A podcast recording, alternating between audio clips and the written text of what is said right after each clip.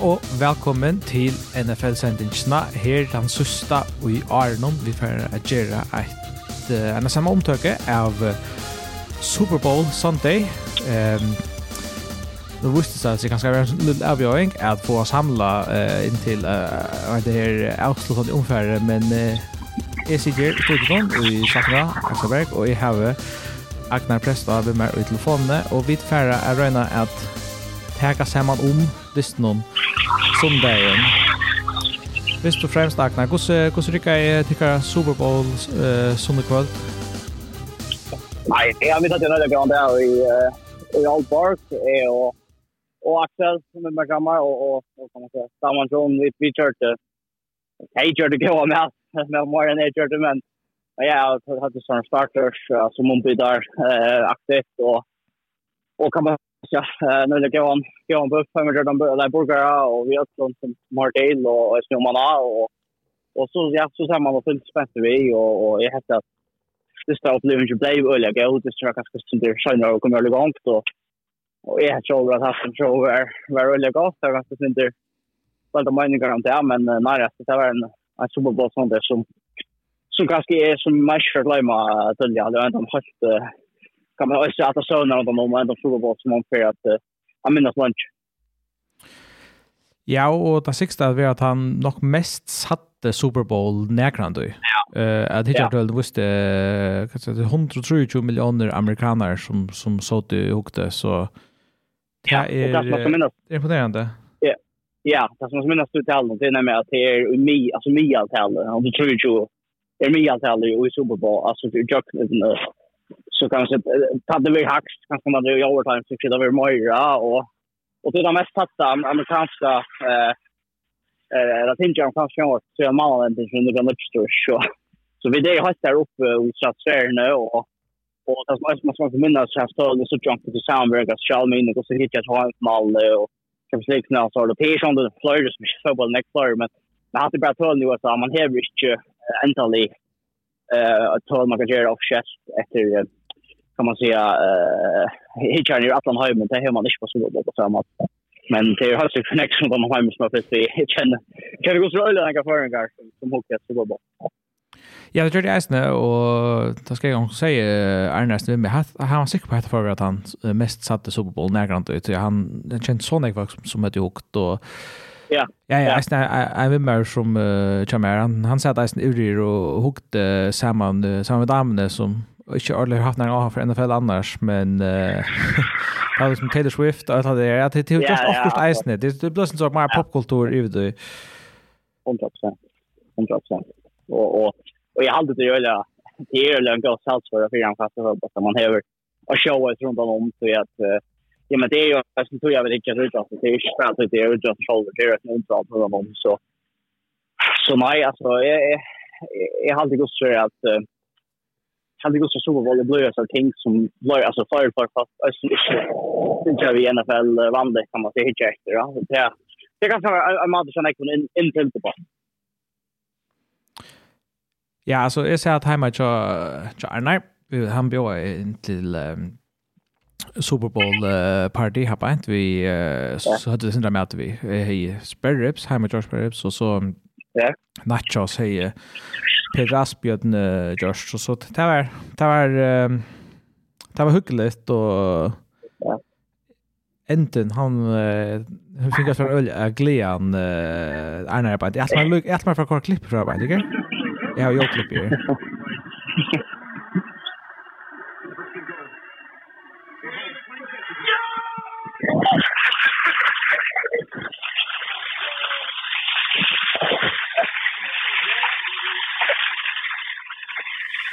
Ja, ja, en, uh, en glaver, en glaver Arnar, i telefon, i, uh, ja.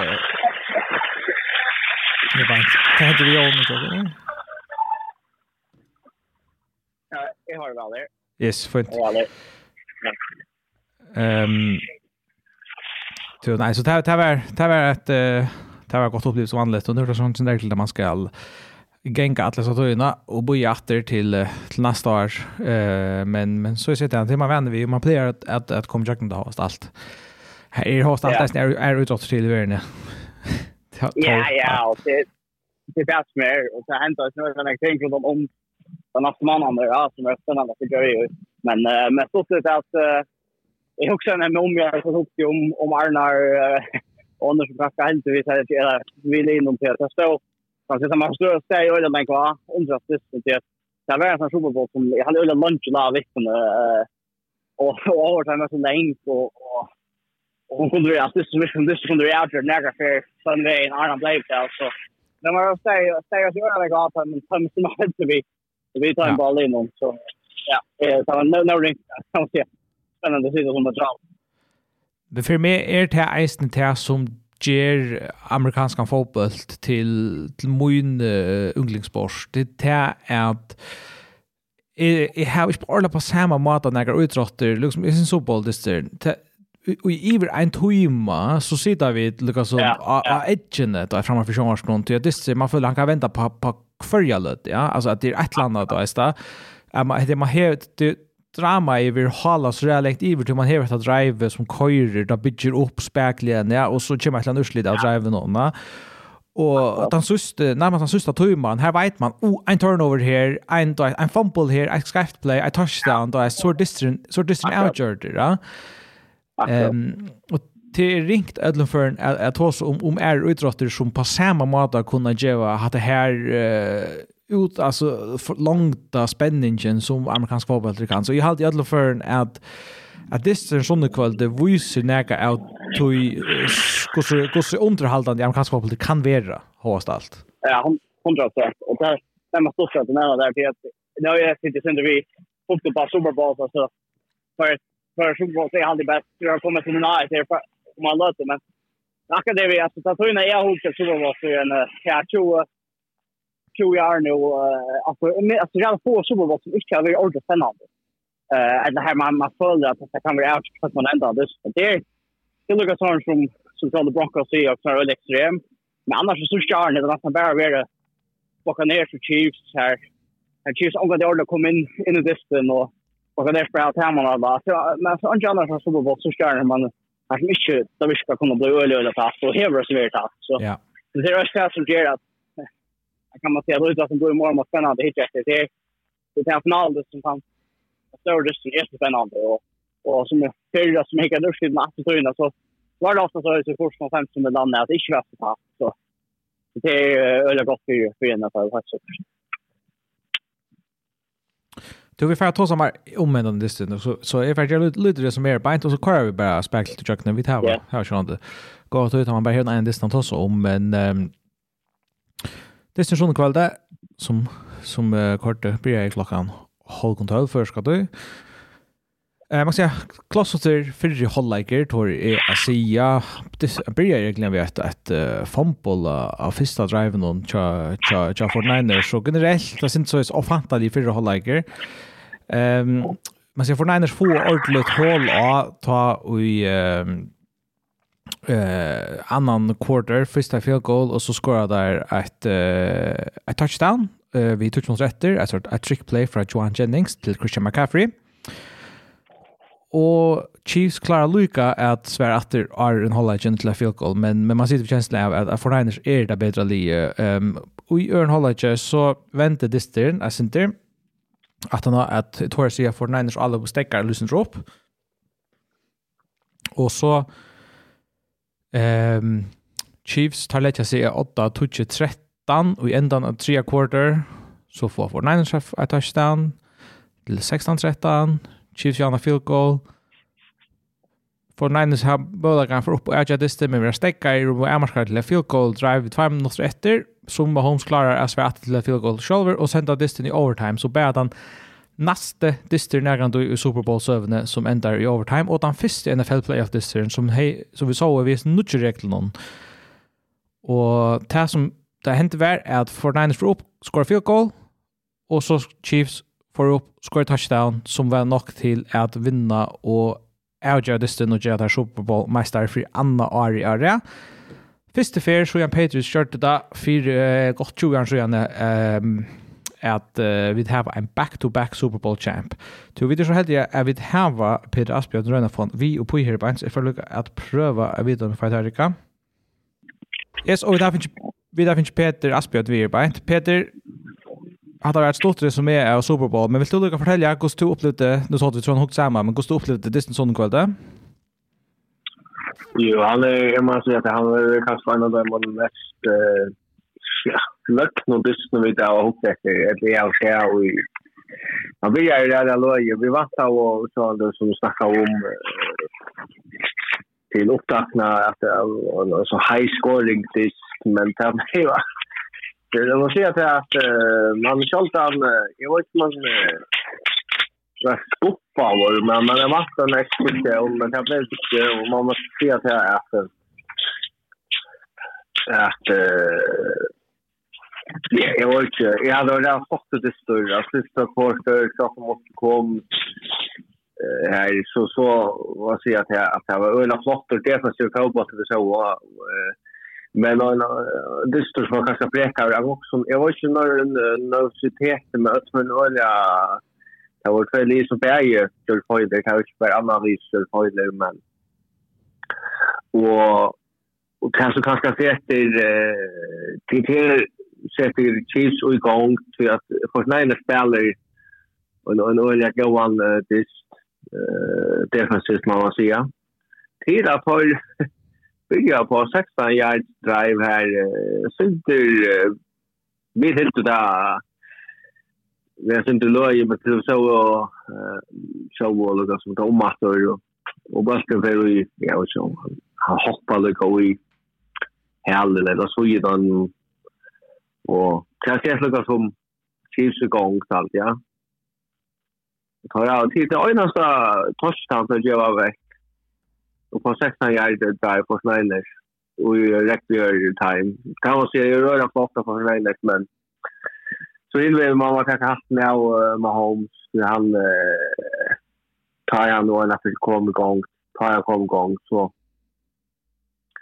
så är han kanske MVP. Alltså det är han, så han är ju så Huskar han heja. Jeg var ikke du till til jag nå, men jeg jag hade var det pay to completions i trekk?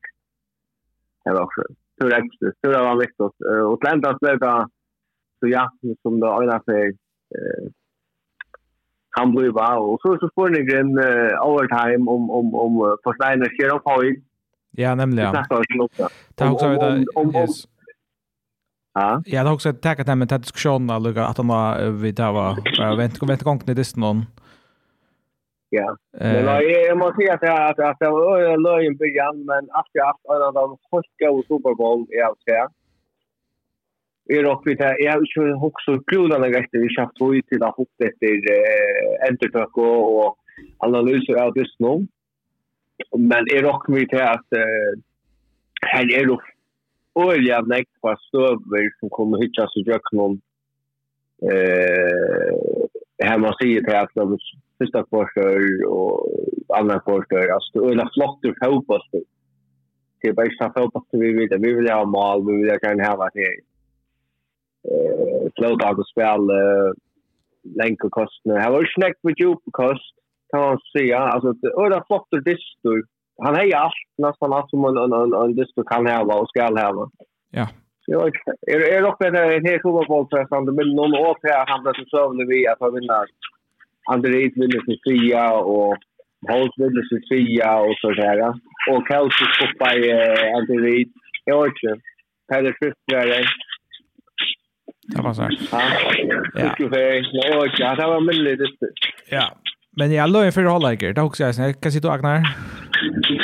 Ja, jag har det men så jag vill för en latter upp för jag men jag hade det sant men att han nämnde som du säger att han låg i det att jag testa vi så vid att också det heter att då är det disper och inte det som man kan säga vanta men och så nämnde den för att det är väl jag vet inte längre det är något ironiskt det där nämligen att alltså här är han Mahomes är också väldigt gott fast för att Jag hade faktiskt till med Paul Hartman men det var ju Super Bowl.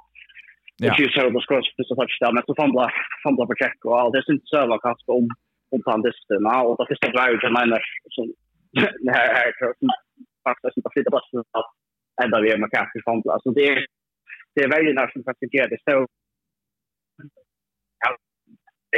en kan passa då ut dat is eigenlijk staats dat heel erg denk je om te kijken van dit is men men als det er mocht som som för aspen ja det har inte kanske man man det var glömma det sen det man man försöker kanske något på play här att ju spänna sig extra point då men nej nej det spänna sig extra point men det faktum där eh punkt det här som ger att att ju får det resultat bara på cross på touchdown. Det har inte faktiskt vita vänta det eh Eh jag hade för Diners för rakter som på shots lite och och det har onka det fått all på gång så att när lag. ta det blir ju det blir ju eller action för för en vis. Är helt att det var rally underholdende.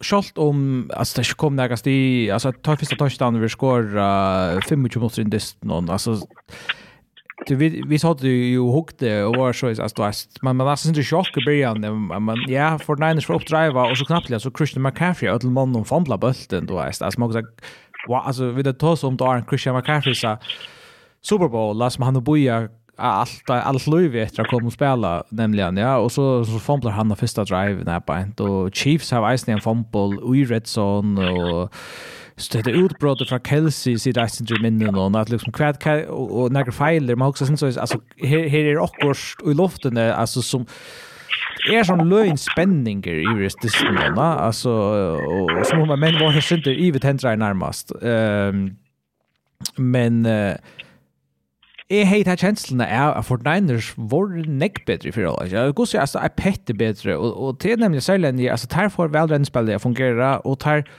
lukka avloppet tja Chiefs nyer i lengre strekken kjolt at her drive her i der koma i red zone. Det er eit lengt kast til Hartman her i Det er Luid sin helt det, jeg safety Mr.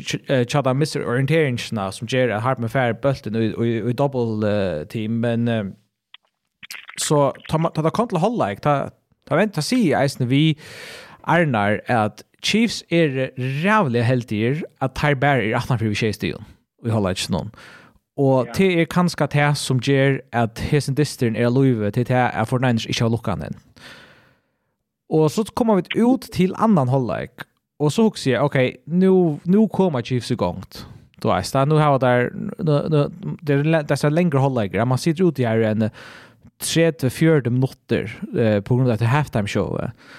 Så jag väntade till att nu kom Chiefs ut och kom, kom igång. Men av första driven någon så, så kastade Mahomes en interception och tar Hooks seriöst att nu, nu koppar distrin för Niners av Nu för, för Niners som skottar touchdown och nu, nu kortet han vägen att är helt att distrin får att bliva outgjörder ut här nästa minuten i det här bänt.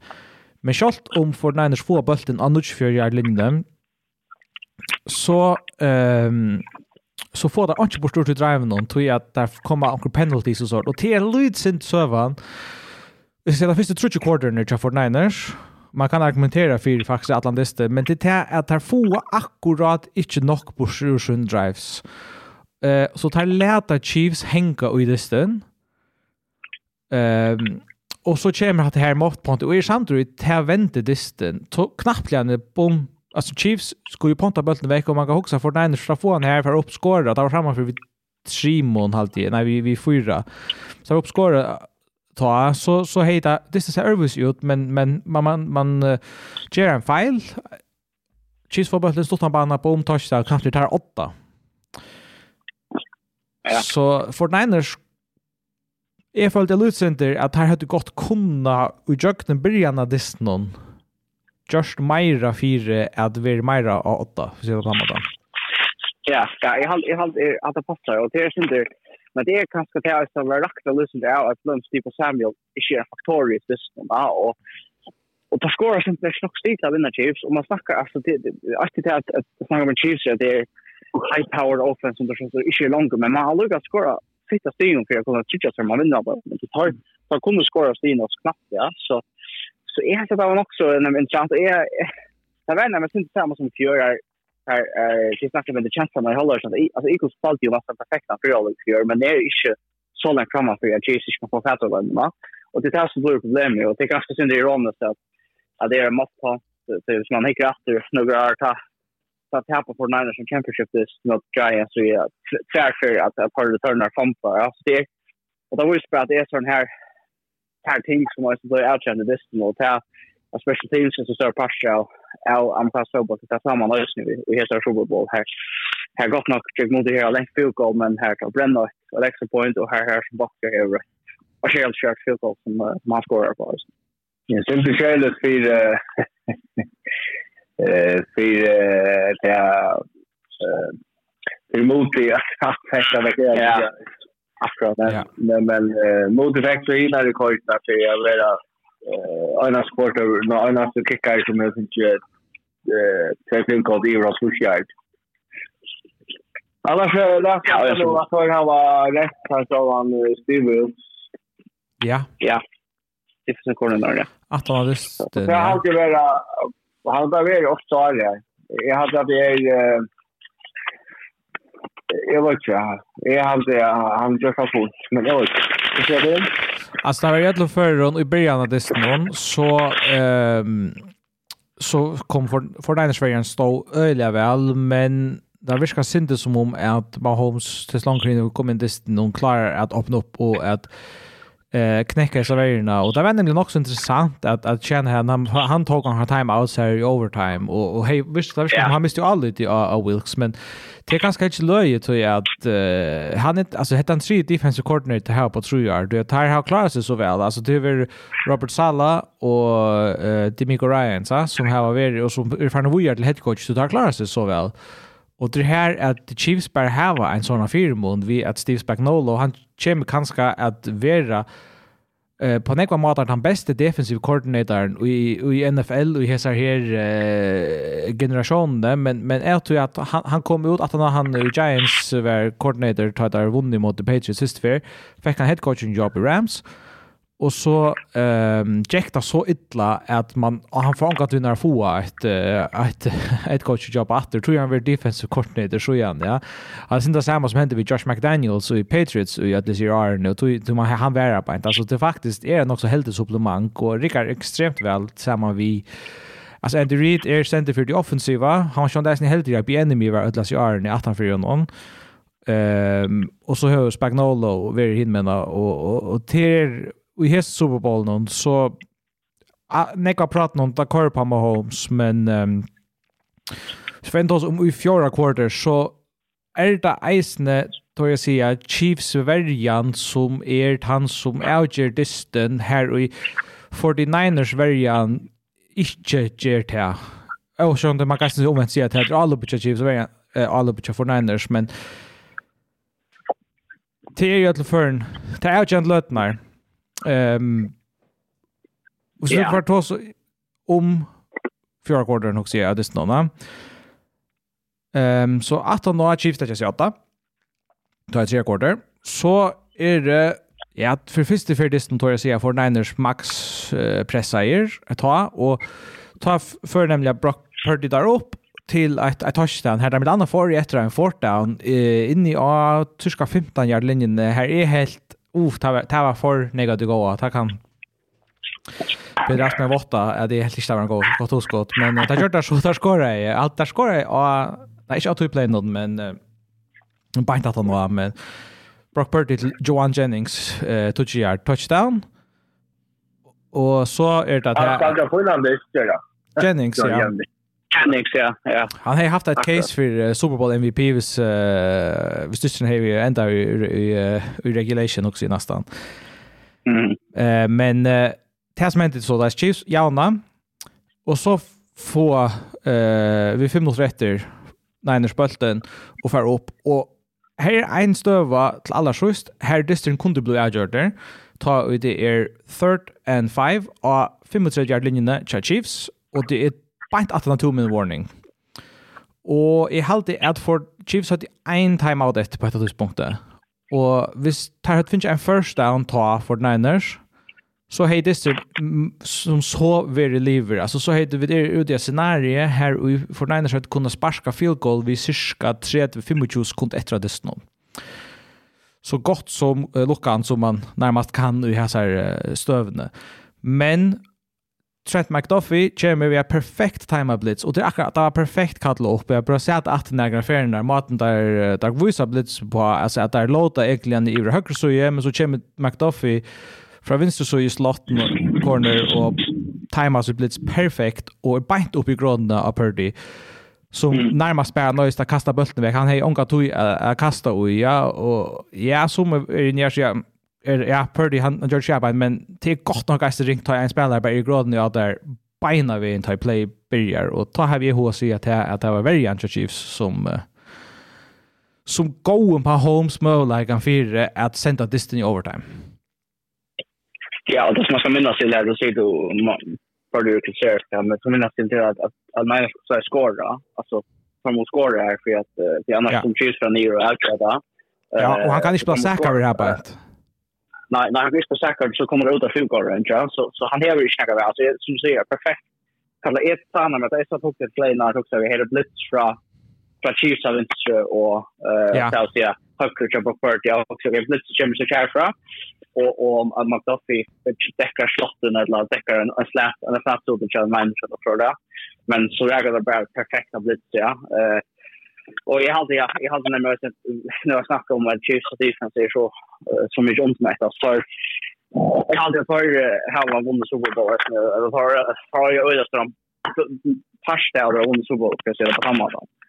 Så nej jag är jag är djupt imponerad av kan det som tar just och nog stort stort så var vi jag kommer att ta till att att han kommer på att alltså att, att han tar trade upp för att, att få honom att ta det komma fast på pitch och som så då trade för till alltså, så så kan man säga en en pass out så jag tycker på vinna Super Bowl. Det röstar att kommer investera Auer en plats när man tar sig receiver när och att man tar sig här. Jag hade inte att Joe Cheese versus uh, MVP. Till Andrews mer men väljer som har spelar en en extremt god on this och Gerard för att det är på chans att vinna det ja. Men helt du att ja skärmer till för Schneider för Östen kört ja. Ja. Alltså jag tycker det är større nu starkare alltså ta ta det ta största ta oss alltså då ska men Greenlaw för ut er fast så att så ja ja. Jättestort vapen som som tar missa på Fortnite. Center for Eisen John Feliciano og Debo og George Kittle hadde eisende perioder her der måtte ut ur disten noen uh, vektene som skier. Ja. Ikke det var, det var miste ikke Atlantis, altså, det kom inn etter, men det var i ødelen for en hemma i klar avvist mamma gikk ut fra Askavon. Ja, ja, jeg er samtidig, altså, det vi, vi, altså, det er for var blod skatter til han skal renne av ødelen, det jeg har alltid det er halvt siden han, altså, så det ble en øye, kan man si, ekstremer uh, skæje, og øyelig viktig for verden, men så er det ja, at Debo Samuel er en, uh, eh så störst lot kan så än jag vi hade det också tydligt att han att han ganska är mantla i, i albumet efter så. Ehm men uh, så hvis vi fortsätter i, i disten och nedbein så så ja ehm um, man kan säga Purdy och Fortniners tar få egentligen att det är Sassi Stine som där skulle häva ta sist i fjärde kvarter. Men här får nek tog etter klokkene til Mahomes, så jeg vet, jeg vet, jeg vet ikke om det kan være iva om at, at her får jeg opp, og, og jeg gjerne, og kanskje enda kunne haft vunnet det til men Ikke man husker at det er ekstra poeng. Jeg har sitt spekulere at han nå i at hvis for var framme for vi fyrer og etter neste, så hadde så hadde han helt annan dist. Så hadde Chiefs kanskje nemlig skulle ferdig opp og skåre touchdown her, og så hadde kanskje ikke kommet i overtime eller hva, det var ikke. Så det er ikke, er ikke rannig ut i at det er ekstra poengje noen om at det var så rævlig en Eh för det for en brött rannig ting ut det er riktig å si hva så hei hent og ikke, men tar kommas upp och till Angenivium alltså kommer att att uh, alltså kommer det här kött i field goal range och är Luika vi att skora touchdown faktiskt. Arn Distrin för Arn där just att uh, sätta för field goal. Ta ta bloda ganska lustigt konservativt och upp på cover där. Och ett vi linjen cha cha för Niners vi nu just kommer att Ja, det får stor och stor flytta bussen också nämnt och få stor play och vi såg att vi såg att uh, Cassie är störst player, han bara knappt sig det färre att 20 något om oss. Och så är också faktiskt en akut för att, att, det är outchandlat det, you know? Så, så men, um, men uh, jag det är man måste sitta och och packa något som större jobb nu som man är för Niners spelare. Jag vet inte att är inte bättre, jag kan inte bättre, det är öliga det är väl en ting som, som detaljer det som man följde av resultatrakter som det bättre så där så på var men ja. Och så är det overtime. För lycka ta som kan hända i overtime och så kommer vi ta som med det är kvärt man skulle kanske ha gjort eller om det vi, vi räknar ner men eh, för Niners vinna coin toss och välja att mottaga bulten och, och regeln är brötter ju till det att eh, förvärda att touchdown vinner disten och så Eh, men nu är det hvis du skorar touchdown på det första drive så hitli fair alluga väl allt du möjligheten svär atter och så skorar touchdown eh och hitli skorar touchdown och det är det samma alltså extra poäng extra poäng eller 2 poäng 2 poäng eller vad det så för det iver atter till sådant det är att han som skorar först skorar den nästa stig vinner disten och han säger ehm så för Niners eh tar tar mottaga bulten och Kåre så driver band, och här alltså på hetta tidspunkt det någon ta ta vär är alltså är var rättligt imponerad av av Purdy. Alltså imponerad av hur han kom ut ur det någon. Alltså börjar vi. Alltså han spalt öde väl det förra halvleken. Stagnerar sin tredje quarter men i fjärde quarter hade Agent Tinchne alltså att drive någon. Så så var det bara så där nej han han han ska bara ha en sån clutch factor ut så där var några player som också hatta väsko är gott player han är så att han blev ordla pressar han lucka vippa nu till McCaffrey och hela Einar för en i och mitt fyrir den djupt nya banan og, og tar kom alla vägen om man ner mot goal line. Og her var så en third down ta og och gong gal i protection cha offensive linjene og Chris Jones er pura fruir uppe jag mine i grön och han hejer faktisk, ikke bare en men tvær fria men at du play by Ayuk og Jennings var nok så frier Eh, men heter jag synter här för att till Aaron Donald i Super Bowl för två månader sedan Burrow heie Jamar Chase frujan til touchdown til vinna distan, men Aaron Donald er på grunn av så mykje kjøtt at han fær ikke gjørst. Altså, til til det er, og, og at det ta er det bare Chiefs verjan som steppar opp ut i agent løtene. Field goal, Joe Mahomes på natter, Det ble lysen spennende. Kom jeg for enkelt til han her, men også hette av distren og, men det var helt skjønne givet om at, at det, som får hente, får hente, altså at Chiefs systematiskt bulten upp bom och Mahomes kastar touchdown till Michael Hartman av ödlen spelar Michael Hartman som började är uh, Jets linon Kottar mitt i Arnon pick up av Chiefs ända vi att skora det game winning walk off touchdown. Är för i Super Bowl sövne jag vet hur walk off touchdowns. För sina för version till Patriots mot Falcons. Så ta overtime, hva sier ditt? Ja, jag måste kanske ta först. Hade du hotlat oss om eh skulle ta att det är vi alltså Så det är om man skulle Ja, alltså är man ser för mycket vi kommande ta ta i hukte ta var jeg inte iva om att man skulle ta bulten, men jeg var Lucas så flytte forvidne, bare lukka lusta, jeg lusta ikke, kan se där egentligen här. ja? Eh, men så sa jag att han något så fyllt och alltså social milnon och i medien någon att han har heter här diskussionen. Här här var vi alltså nu fyllt jag snack som är i ordla analytics för han och här ser jag att det är statistiskt bäst att mottaga bulten. Men man må sjølvant i eisen, ta, ta jeg så har huksa mer og mer om det, at det egentlig er Mahomes og Andy Reid som er hinne og man to hever, for Niners hadde trutjar downs til for om man skåra, Chiefs hadde fyra downs. Du tar var four down territory, tar vita hva der skulle hava, tar vita, tar fyra downs til minimum opp skåra field goal, Edla skåra touchdown og vinna distan, og Kyle Shanahan sier at vi vil de hava bulten 3. Det er faktisk det han sier at han da. Vi satser på å skåra, jeg tar ofte å skåra, men så vil vi ta bulten ta. Men er 100% sikker på at for Niners får oppskåra touchdown, og kan sparska et ekstra poeng, så er det Chiefs ferdig til 2. Du tar ikke jo mening at sparska ekstra poeng da. Så er man ferdig til 2. Og så, heit, så at Dister skal komme til 3 possession er kanskje nok så osannlukt utan så er vi der ute i en sånn field goal, field goal, eller ikke ferskåret. Men touchdown, touchdown, det trygg vi er, er mer osannlukt. Stort så er, hvis Niners har skåret touchdown, så Chiefs skårer, så Chiefs ferdig til det är rättligt alltså ta alltså man i en vanlig scenario är det någorlunda det samma men i en scenario här vi står sparkar allt lite och tar bara skor skor upp skor field goal eller tar alltså till basically straffekapping till liksom skorar först vinner ta er procenten mode där att är rättligt säker på att uh, att det statistiskt bästa ta är i för 2. Ja. Ja, det är en chans för att Alltså som underbart när man huxar till att uh, jag heter Chiefs Eh, uh, Kostner hadde ikke skåret mange touchdown som de skåret en turnover, men har kunnet kjære uh, nyhet nok til å skåre touchdown, og Og hvis tar så gjør det, så er det makspressa på 40 och 49ers offense, som slett ikke hadde pay cost, da. Så, det är ju en stor nok større risiko at gjøre kastspalten. Så blev det ju... så blev det jo dårlig størst, kanskje største alle på natten, men med hivin, altså det är vi via man, man huxar att det är fett långt mot reglerna som det är nu vet det vi att jag vill spela in har har lyckats det att han fäller first possession så så kvar det som vi är ja.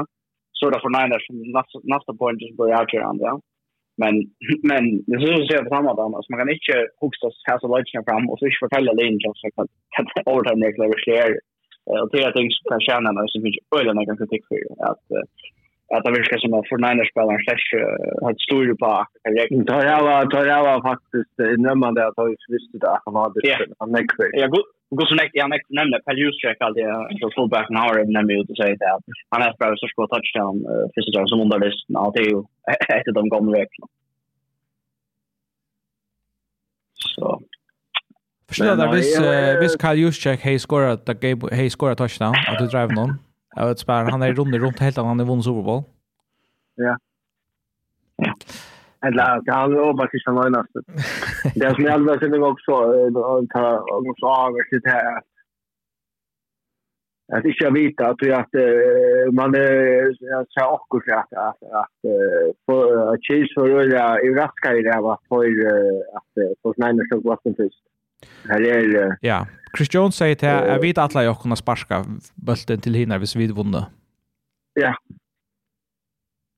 Och så spurningen om uh, Chiefs har vunnit coin toss och tar Chiefs till uh, Spirmon till Ta sett där. Nej, och Schneider har sparat över ut det så jag man får ta kanske sparat först.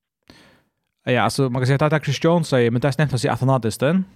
Nej, ja, men det är att Torsia, Torsia då Alltså Mahomes och Östen är det. Ja, Ja, det, det är nämnt att se automatiskt den tar det Jack alltså så här. Ja, och, och Jason Kelsey är också väldigt ute och sakta.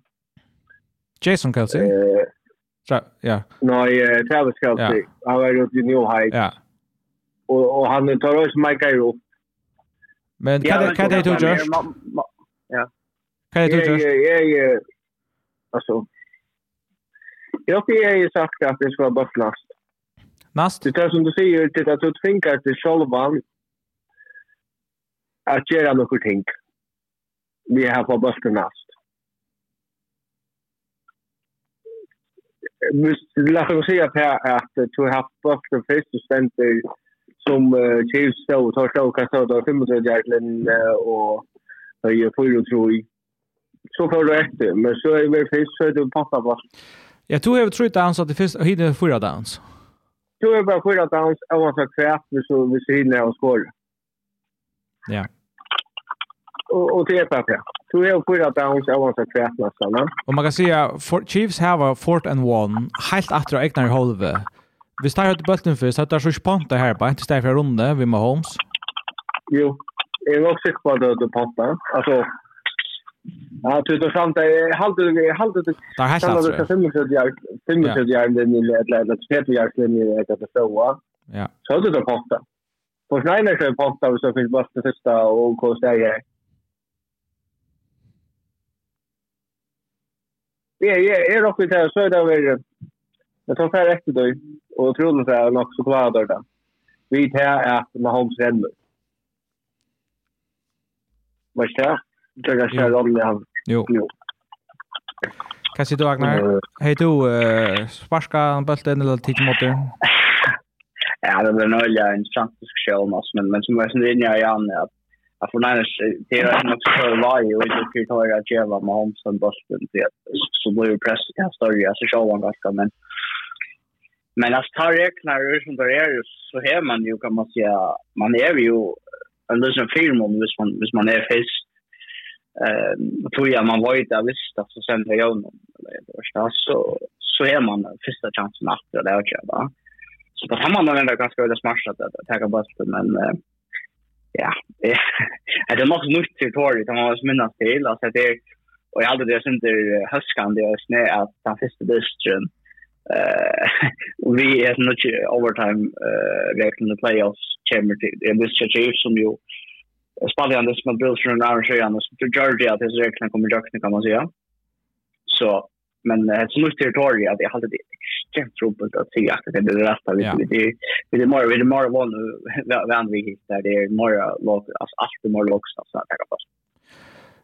Men så vill jag säga och i uppsummering är att det hever etnast NFL uppenbart har funnit en regel här och man kan säga att det är nog inte i så stora mån coin toss som avger hos mm. overtime uh, endar. Alltså man har funnit en måta som är lucent mera fair. Att, att det är några, det är fotbollsspel, det är bäg alla som kommer i spel. Alltså då är, det, det, det är båda synar som skulle ha visat akkurst og at du først er sinde mer fotball, og at det er rettelig affær, og det er alltid, jeg visste, at hesten regelen er gåer, og hette det yeah. til, at det har rakt akkurat rettvis nere, altså, det er jo så ikke at man jo, at overtime-regelen og overtime, overtime-regelen i playoffs er, er, er blevet nek bedre, og hatt av så til å rykke, at fair. Ja, jeg har løst det nok, men det er med följa en chans att vi ändrar någon listan. Alltså det är vi vi vi håller vi ska som att ganska en ex spelare som där vi vill macha kan hända vi vi klockan nu så där och och tala till oss nu Eva vad shoulder som mest för mer för er om att vi ska som en chief ska då så där gå till i shot om om tojen jack och nåt där ja check med den noll men att man man börjar bara på en något quarter kan man se visst visst tog ju det första hållet och Berlin i Chile i sin första possession. Så. Alltså att här gör några nu spännande. Eh så nu några spännande som att ha att ta ett lag och overtime regeln är ju så jag var trött att kicka upp och det är någon och trött att prospect. Här hände Diddley Squat. Han var bara och ett borst. Jag tror man inte 13 var referens av Taylor Swift nu också säger. Nej, nej. Vad är det du vi? Ha? Det var bara jag som också säger så. Ja, ja. Att du säger 13 kick-off så också säger Taylor Swift referensa att det var det ju? Nej, nej. Det är allt. Okay. Så det det du är också alltså Jag blir gärna vaskar och så. Så ja, det är alltid det är. Men men eh Ehm att kan jag är vi på att kick-off borde vi outskaffa. Ja, alla alla du kallar kick-off långt rätt. Nej, du skulle skulle outskaffa kick-off och onside kick skulle eisen vi avskaffa. Her du skulle haft ett steg for et onside kick så kan du få et play ett uh, cirka 15 yards fram eller ett eller annat. Som som 14-15. Hvis du klarar å konverta det så først du bulten. Nå rinklar man ikke bare kan gjøre det til tøyner, men allikevel at, at det er et fotballplay som gjør mening. Hatt det så i spår, men kickoff er, er, er, lagt i, er lagt i NFL. Det er det. Men, men du, du var ikke på at han brakte kickoff. Det ser det ser det tryckta där också, Ja.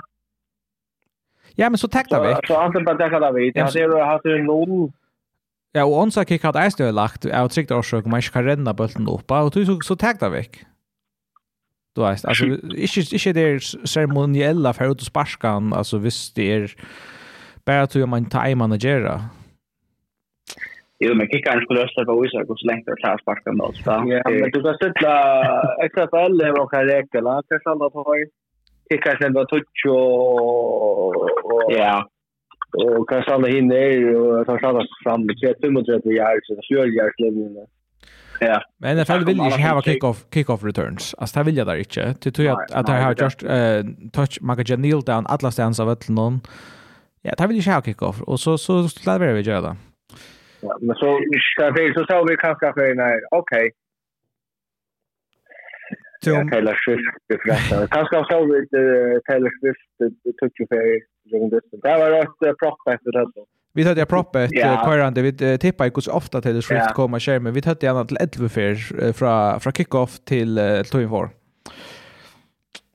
Ja, och det är nog så bra. Ja, jag har åtta. Jag skrev åtta. Och hon var i två fyrt sekund sammanlagt. Jag kände att det till. Helt då. Och jag kunde lyssna till Ja, ja, ja. Men och, och här som jag, nu när det är i näven här som jag kan säga att det är folk som har ett och en viss så där är att en, en mest känd person om i USA är skärmen och i en, en liten något sammanlagt. Så, så man lyckas då. Så man lyckas också om vad det är man gänner om i löven. Att nej. Jag var ögonen för hon var ju en halv sekund. Nej, men har distan ja. distan är fyra timmar längre. Du vet att alltså det är fyra timmar ja. som man sitter dricker efter ja? och hon har ett helt hon tar ett helt nutcha eh alltså publikum vi in till sig till till till ja. det skapar en en popkultur intresse för det då ja så till till Det är allt jag kan ju. Det kom på skärmen någon en kvart sist där så vi får att fasta. Men är alltså är vi på Beyoncé kom gott över för måste det spela något så. Ta ta. Men Beyoncé var ju hon dejtar ju inte alltså man kan säga Gronkowski. Alltså hen just där så är det kanske någon annan. Ja, Ja, ja. Hon, uh, Maren John JC, han er sinter, det er sinter egentlig, han er ikke veldig haft om sjåen. Det var jo nok så smøla. Åh, ja, takk.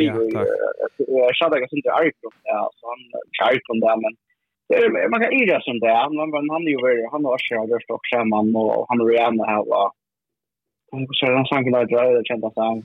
Jag hoppas på att Pariana i fjör vi Umbrella han lukar. Ja, jag hoppas på att det neck var. Ja, så det neck var hoppa. Vi är väl där JC James. Ja, och han kunde ju ösna för för vi ta Björnsen själv där ett att i hade en ösna där för eh Dr. Dre kom från över ja så eh Där var topplis nästa, där var halftime show. Så här här är nog det största det så där meningar. Alltså är är som är syns äldre, är är att att Russia var super men men processor den som är yngre än är som som jag snackar vi var inte så där på det. Kan du ha haft av sjån? Vant av det møyre eller vinna? Jeg helt at det var rettelig en uh, råd. Men jeg hadde ikke Osher er akkurat en sånn Uh, alltså du, han, han hever ikke så nekva kjenta sanger. Ehm um, det rikar fint lukar Alicia Keys kommer där men jag har alltid det det enda i öliga störst alltså så och till till ganska det viktigaste alltså man de öliga väl så Little John där på till Little John han han han mer väl han lurar kommer på och Ludacris och alltså så så så det enda är stash och det det är gott nog men upp till det punkten var sen så är alltså så det kanske i hacksta för jag mig gott halftime show vill det säga vi är van vanligt för det mesta och vi är en stark ända. Ja, det är så vi Ja, ja. Jag kan inte det spelet. Nej, nej, annars att han det det annars har vi fast det det skulle leva. Alltså på ja, Okej, okay, ja, men men yeah. eh, alltså det lukar alltså jag ska inte skära mot upp när vi har en show men men kanske men alltså Usher är ju en alltså det är sure true tror jag att det är så champion champion sort stort han vill ha en show det han där han är mega sett något här så ändå så ser han blir sett något mer eh han har kanske han har haft mycket han har haft mycket billboards number 1. Ja.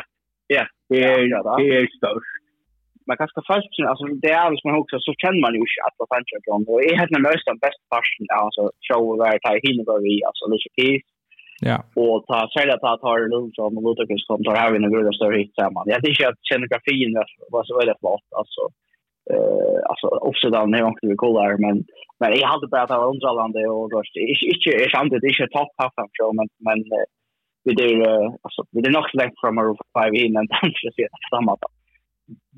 Men han är väl förnärmad om mycket av att jag har Ja, sure. Ja, ja. Det handlar också om lösningar, ja. Alltså, alltså ironiska lösningar som... Det sa vi, eller jag vet inte åkt efter Daskaren och Nederlunda åkt efter...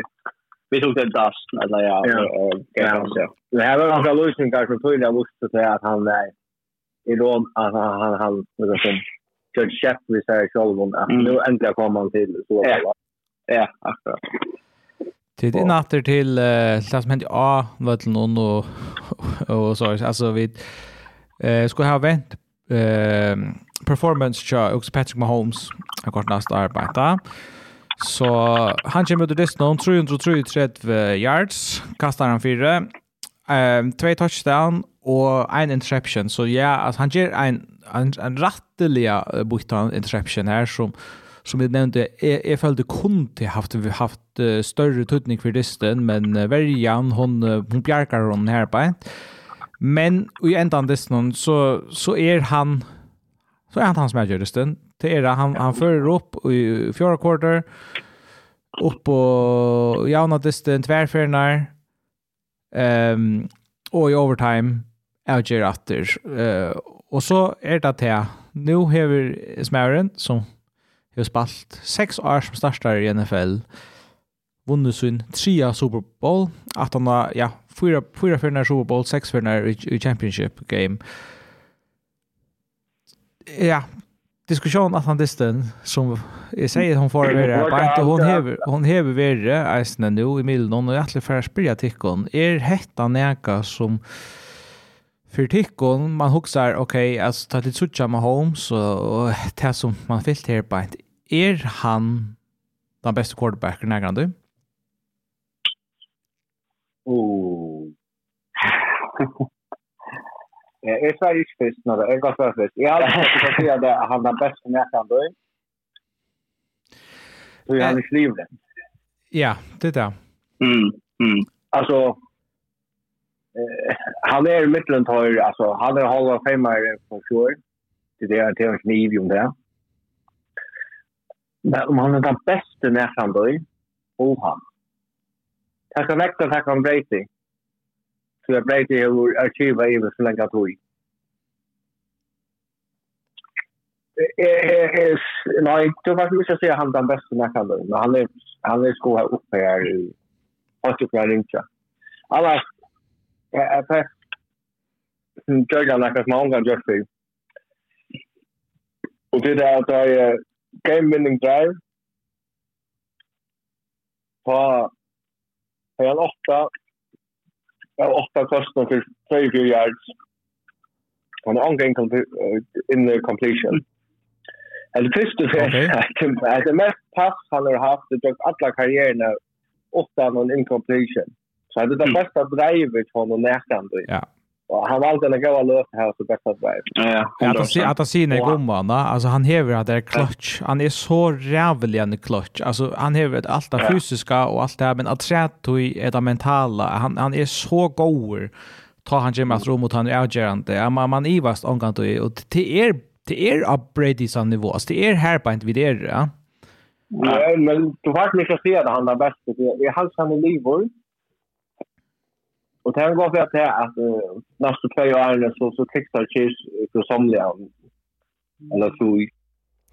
Kan säga du att Ja, i alla min satt jag när jag när inkompletion så rennar det för första Så Det visst men det att han kan ta det sen dra och och det är det här som nog definierar för alla alla första spelare till till Gustav kan man se leverera under press och och til her er det nok andre bedre enn en han og Brady i hese går negosfer. Og jeg har aldri kjent det kanskje nok sikkert omstrykke nå, nå kan jeg, eller kan vi nok helt ut av at fornekte det som heter Arn Målene, uh, utfra at jeg spør klipp på den også stikken, men man slåss av stikken er ganske det var sånn altså utdratt nere i bøtten og snakk, så John Montana er ganske alltid det sjatter som the greatest of all time a quarterback to show Nick Brady kom Och så Brady var det alltid vi Brady och Manning och så kanske Breeze och så som de omtar men men man kan ju ju om att jag tror att vi Tom Brady är den mest vinnande och han är den mest effektiva quarterbacken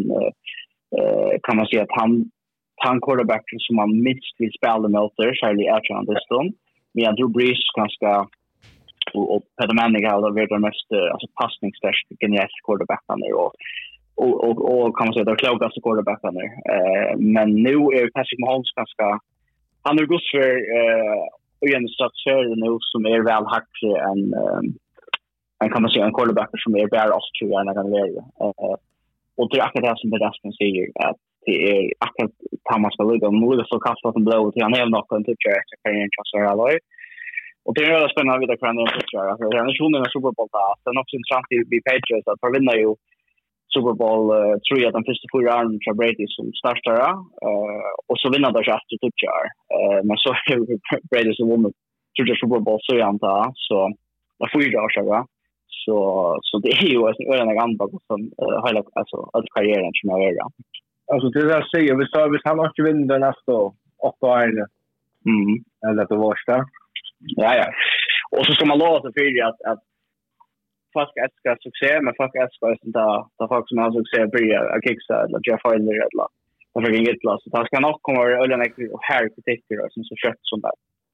Eh att shoots is för att gå, men det är aldrig ölen så att sucka att det kommer ändå så att att att man så där som har haft att att har ända är så väl och Mahomes var ju ju alltså ölen väl vi han som satt mal alltså att han kan inte sitta och glänja om eh kan man säga en allt som här och om sig allt till att han själv upptäcker och köra några tap space. Och så är han ganska tål vi vi nog tänker om annars och och vet att han att han själv är så klar att det är ju något tänk och att ställa sig något på på Andy Reid och alltså som är någon sig. Ja. Men nej, alltså man man kan smaka för för att ta som jag smaka shea nära. Det finns det än men alltså på Holmes är jag kommer helt upp i i toppen av quarterback om alltså det här här blir han går så att annars måste ödelägga. Men men också runt där att du snackar om han är uh, han är femte quarterback så vi bland annat touchar Super Bowls. Så ja, ja men alltså ja, du säger att Tom Brady, Montana, Bacha och Aikman. Mm. Ja. Men kan så tala för är att han är så ung Och vi minnas bäst han nu, så vi tar, vi minnas inte väl Brady att han börjar i karriären, kan jag säga. Ja, alltså Det kan ganska så kunde gott en party kom in och vann den nästa switcher. Kan tala för jag inte det. Så han är vår och gott på Schneider. Lös på Schneider så vår har har och så var bakom den nästa. Det är just det. Det är spårningen. Ehm Jag också nämnde jag också nämnde han att tacka är capstone och chatta men vi vill lucka tacka tacka till honom. Men vi skulle kan se I think om om det här vi Mahomes versus Brady. Alltså tror jag eh tar man då så om den bästa nägran då så så halt det att för så vad så är det kvar är han bäst man hever se lukka som vi egen og tjasa, man også hesten her dora spela quarterback, men så er det eisen her hver hever bara haft hver den største, altså, altså greatness er meira enn bare til at være goer i et år, eller altså i et performance, altså til, til deg snakker vi hva har du oppnått i under karriere, ja? og er pura, er 100% vi, er vi på til at karrieren tja uh, Brady, hon er fullständigt en alltså vanvittig. Alltså man hugsar att Brady spaltet han var 45 år av de allra högsta nivåerna och oavsett kan man säga om några kort kan aldrig förvänta till att nägra quarterback för att göra till och ha lika länk värre succé som Brady heje och Brady var touch Super Bowls och vann tjej av dem och, och då är det han får från Patriots nämligen till till uh, Buccaneers, og vann eisen i herrebein, som bare sementerer hvor så går han egentlig han vær. Ja. Um, men jeg kan, eisen, jeg kan godt innrømme til at fra to i første åren når jeg sa med Holmes spela som starter, så, så var det også Rymar som sier, jeg har omgang til å se når jeg kan spille på hendene måten. Altså, jeg har omgang til når vi må egen se en bedre quarterback. Altså, det er Og selv at han vann sin første Super Bowl, liksom, det har vært nækka meira enn hva man har sett for, men, men jeg får ikke kalla han for større enn bedre enn en Brady, tog jeg at Ja, han gjørs litt seks år, og jeg sier seks år Ronny han har haft, det er nok vært det beste jeg ser fra noen quarterback. Men Men det här vi har tås om, oh, han har ju långt vunnit trutjar, han, kan, han ska komma upp till uh, tjej i Super Bowl eller ett land. Nej, han blir kanske inte räka till att det lite Brady och jag ser att det är att det han ganska göra. Alltså det är liksom till öll karriären till Joe Montana att det är som ska till. Det är absolut ungen, alltså till, till, till, till osannolikt att han för att att för att vinna sig Super Bowl. Det är det bara. Alltså det kan man inte se annat än alltså att Eh man kanske bara tacka för GV är man för att fortsätta vi vinna. Alltså tror jag ja Brady Jackers tog jar utan att vinna en Super Bowl och det kan hända nej va. Alltså Kelsey och Reed kunde få pension. Till ungen ungen som det att heter för bara fortsätta så läsnar. Eh utan vi är men vi ska ta vi ska ta vi ska ta Eh, nu ser man som av så Brady, ja, alltså Brady har ju kastat vid dagen. Och 35 36 35 på 35 vinst i playoffs eller postseason vinst här eh Mahomes är kommit upp på 15. Vi ser att här att alltså ska ha tjej och alla att det här kommer playoff följa affär och vinner när den här Ja. Och han har att att komma upp på Brady alltså hvis du snakker om statistikk, så, så, så er det lett som Mahomes og Arnvik å si at han er den beste nærkamp. Ja, og du måst hava eisne tølene til at nøkke lunda bakka en case opp her. Du sier, ja, altså du må hava okkur slæ av accomplishments i dina karriere som kan være oppmåter. Og, og det du sier nemlig, det er rett å si, han er ikke av spillet, det er for tullige hava disse diskusjonene han är ganska av väg till att bli Han vinner Tova var nästa år och han har vunnit det. Nej, jag vet inte. Det är för ringt att säga att sammanbära en av 20 år, en av 6-tjej-åra karriär vi en av 20 år karriär, ja. Det är bara det här i mening. Nej, det är som... Men eller hon säger att så ska han vinner vinna nästa år så är han så så så är han kanske som också andra har gjort. Men så vill vi inte över Brady Oisenberg.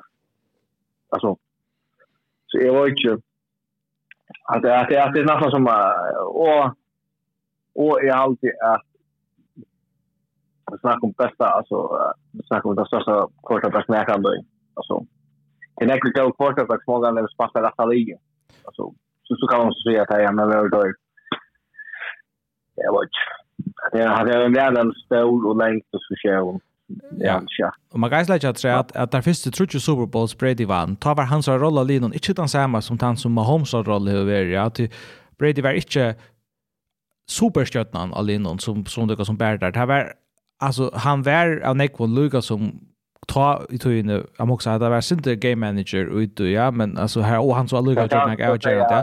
han har en ære rolle i byrjan av sin karriere enn hva han har i seitene, så han, han, han, han, han vaks vid oppgavene, kan man si, som quarterback, og fikk mer og mer apert i rolle på noen, men Mahomes har vi tidlig inn fra fyrsta denom.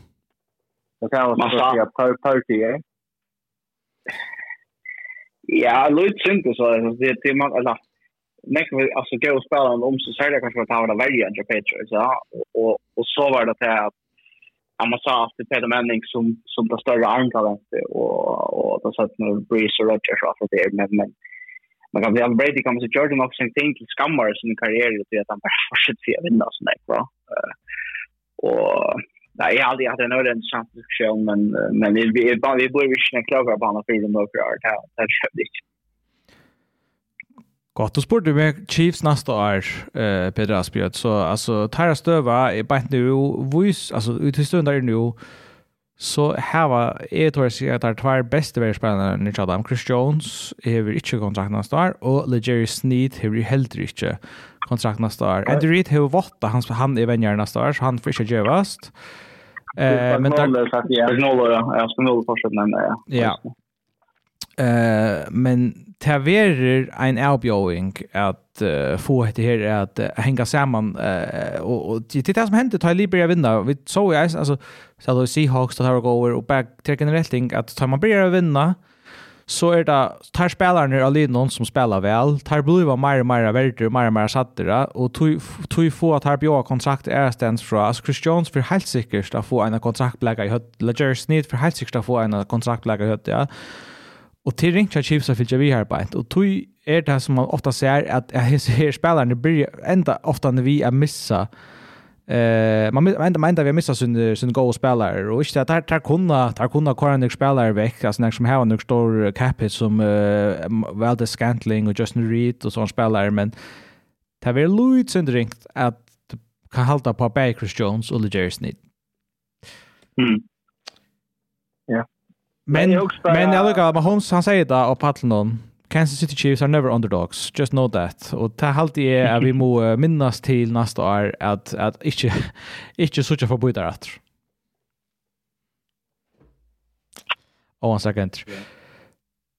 Vi får ta som 49ers nu, Luka. Ehm um, vi slopp släpper inte undan då som Brock Purdy. Och är sån det. Ehm um, som jag säger, han kom väl ut ur början av Disney och visste halt är utan Iva att jag har senare var inte för stor för han. Men man ska inte minnas att det var ett öliga ringt, eller öliga ring och tropelvärja han uh, spalt emot det. Och det enaste man kan kritisera Lutsinter till kanske till att i tre kvarter tar i följd det att för Niners har ett möjliga för att ta kontroll av distan så stagnerar uppe och det kan man gott hvis man vill lägga en part av skyltene eller alltså av, av quarterbacken för det är man inte ger nok och det är ganska eisen fair nok men uh, i fjärde quarter alltså han är så en statistik all time Super Bowl mest go ahead drives i fourth quarter and overtime. Purdy hade tre drives. Han hade ett touchdown drive i början av fjärde quarter, ett go-ahead field goal drive, i ändan någon av dessa någon och ett go-ahead i overtime. Och man kan säga att han tvärfärnar får av någon och sätter sitt liv i position till att vara Super Bowl-mästare, men värjan klarar sig inte att stäcka med Holmes. Så Så eisen i overtime, at han synes han gjør det vær er før at, altså, at, at go ahead field goal drive i overtime. Men uh, sånn all time, vi, han har tre sånne her drives til faktisk tre mest nærgrande. Bare Mahomes og Brady har flere enn han. Long, han spiller en Superbowl. Han er mer enn en Montana. Han er lukket nekker som Eli Manning. Og, så da sier jeg hvordan det ringt til jeg lukket vel er. Så, så da kan jeg som lukket man skal minnes til. Men um, hva sier jeg dit om hans her performance i Superbowl? Ja, det var gøy. Stort. Det är så så länka. Jag har bara tagit bort och eh jag vet Det som du säger vi alltså alltså har du tagit det bara hel för att cheese för in i this nu tror jag för nej nej kväsja. Tack jag. Och så är det där är det party att det är bara play calls som jag har så. Jag vet inte. Så riktigt att det är nu så så klarar jag ofta att extenda playen i just där. Alltså han är ju som så först eller då så han bevekar sig han tecknar för outcher och och då han bröt playen just nu. vi ser han säger där nu har det att det är också som ska rätt. Jag har alltid hört det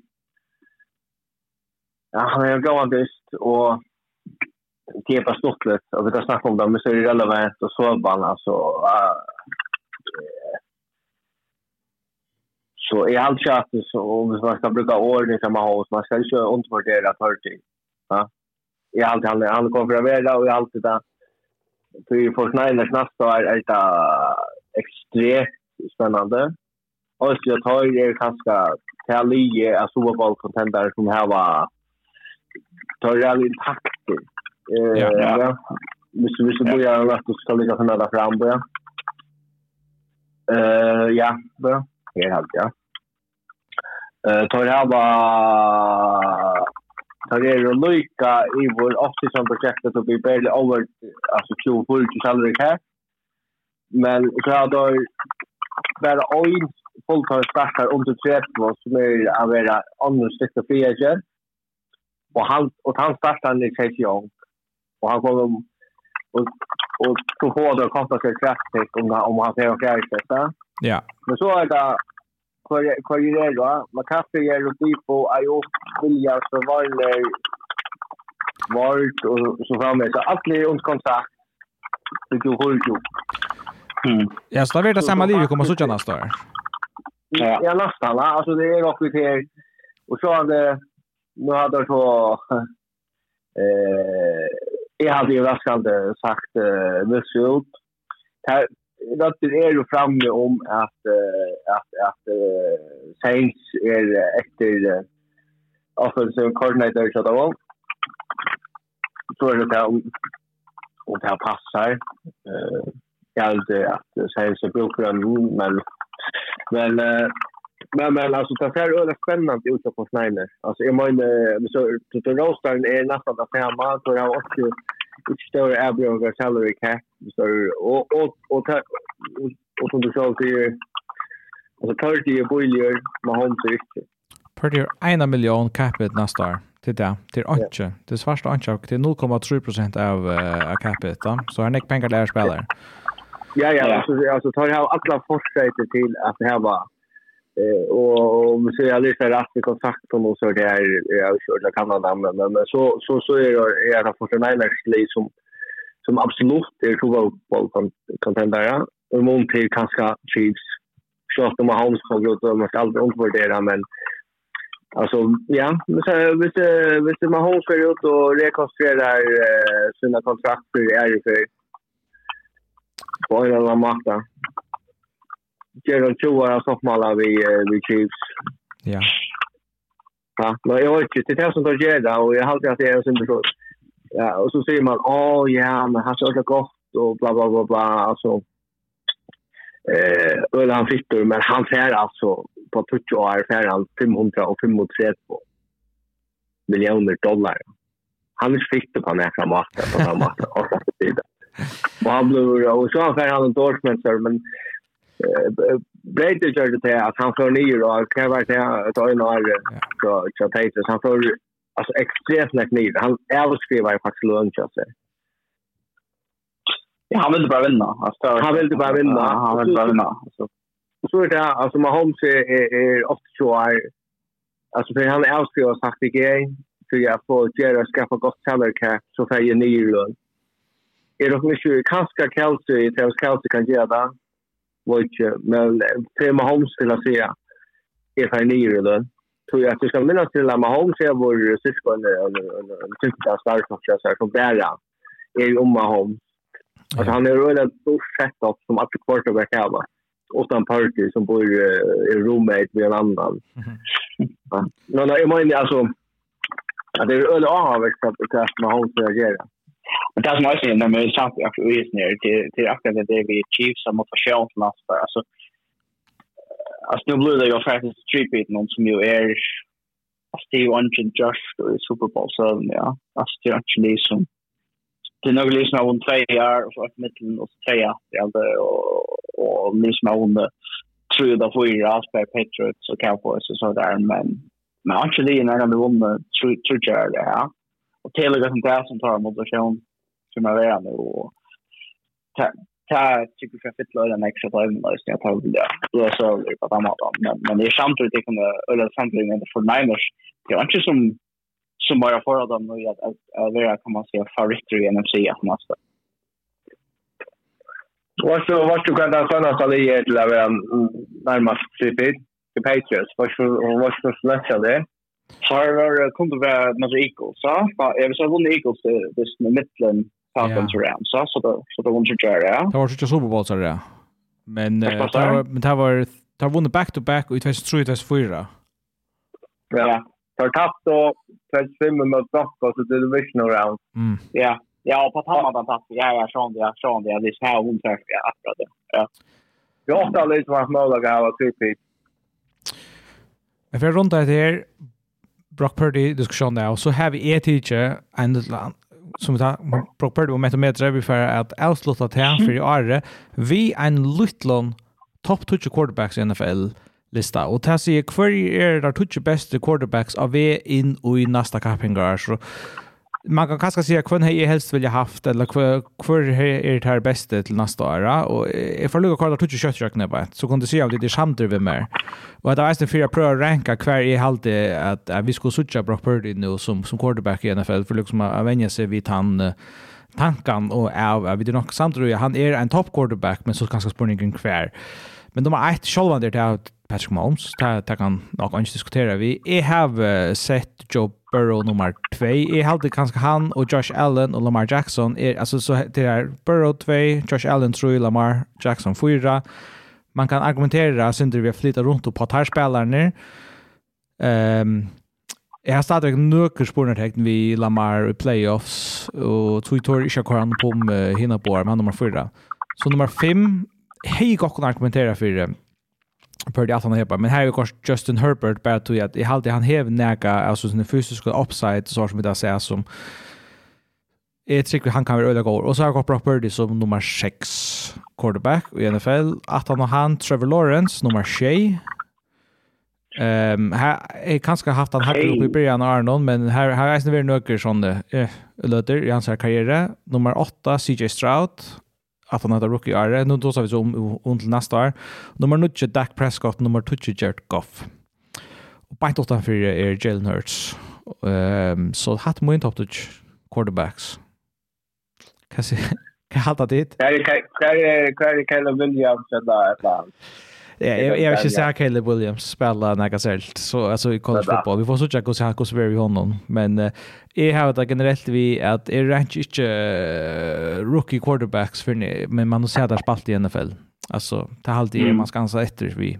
Alltså det där uppe mot starten i NFL och man ska ens efter att sätta CJ Stroud och Brock Purdy som så förboi som spelare som som Dak så vidare och Goff så vidare. Så jag spalt i Nick Warren men är så jag har allt mer upside och timon och alltså det är som Brock Purdy Josh Yar det här alltså orsakar med Anchen annar just i NFL utan man kan säga Patrick Mahomes Joe Burrow, Matthew Stafford, just Josh Correa, Super Bowl run här på inte. Alltså det är ju Nick som haft det gott år som quarterback som han har haft. Och han har ju hållit han vara. Alltså första playoff det är så att Ja. Eller paus liksom.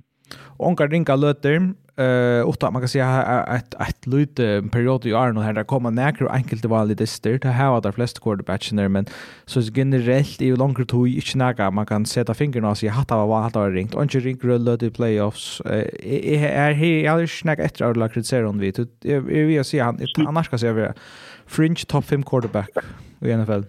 Och i lötande. Ja, alltså han är gått sur topp 30. Det har aldrig för något att säga så är det ganska inte att de undrar och att han går och ska kassen så han är klar att där så är han väl kan man säga väl väl innan för att toucha all det nu eh jag har ganska tur hört hört på det lyssnar jag för min smak och man ska han med vurst men mm alltså han så talar vi hur och armen.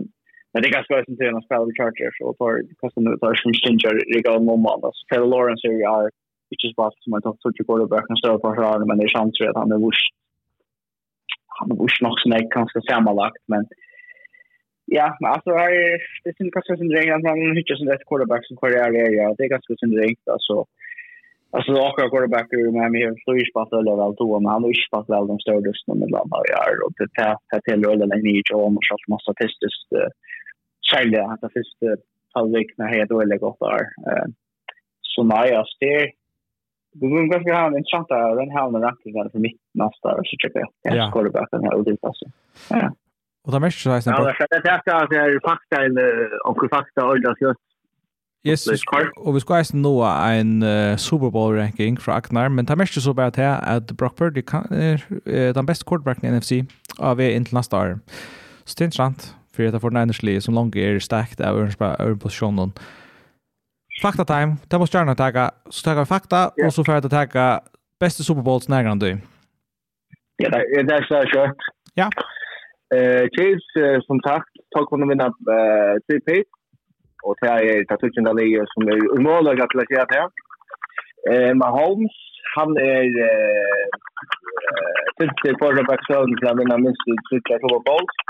Så det är också något så Eh Vi snackar om Paulsen som Victory. Han är 15, men han är gott nog 16 för Tom Brady.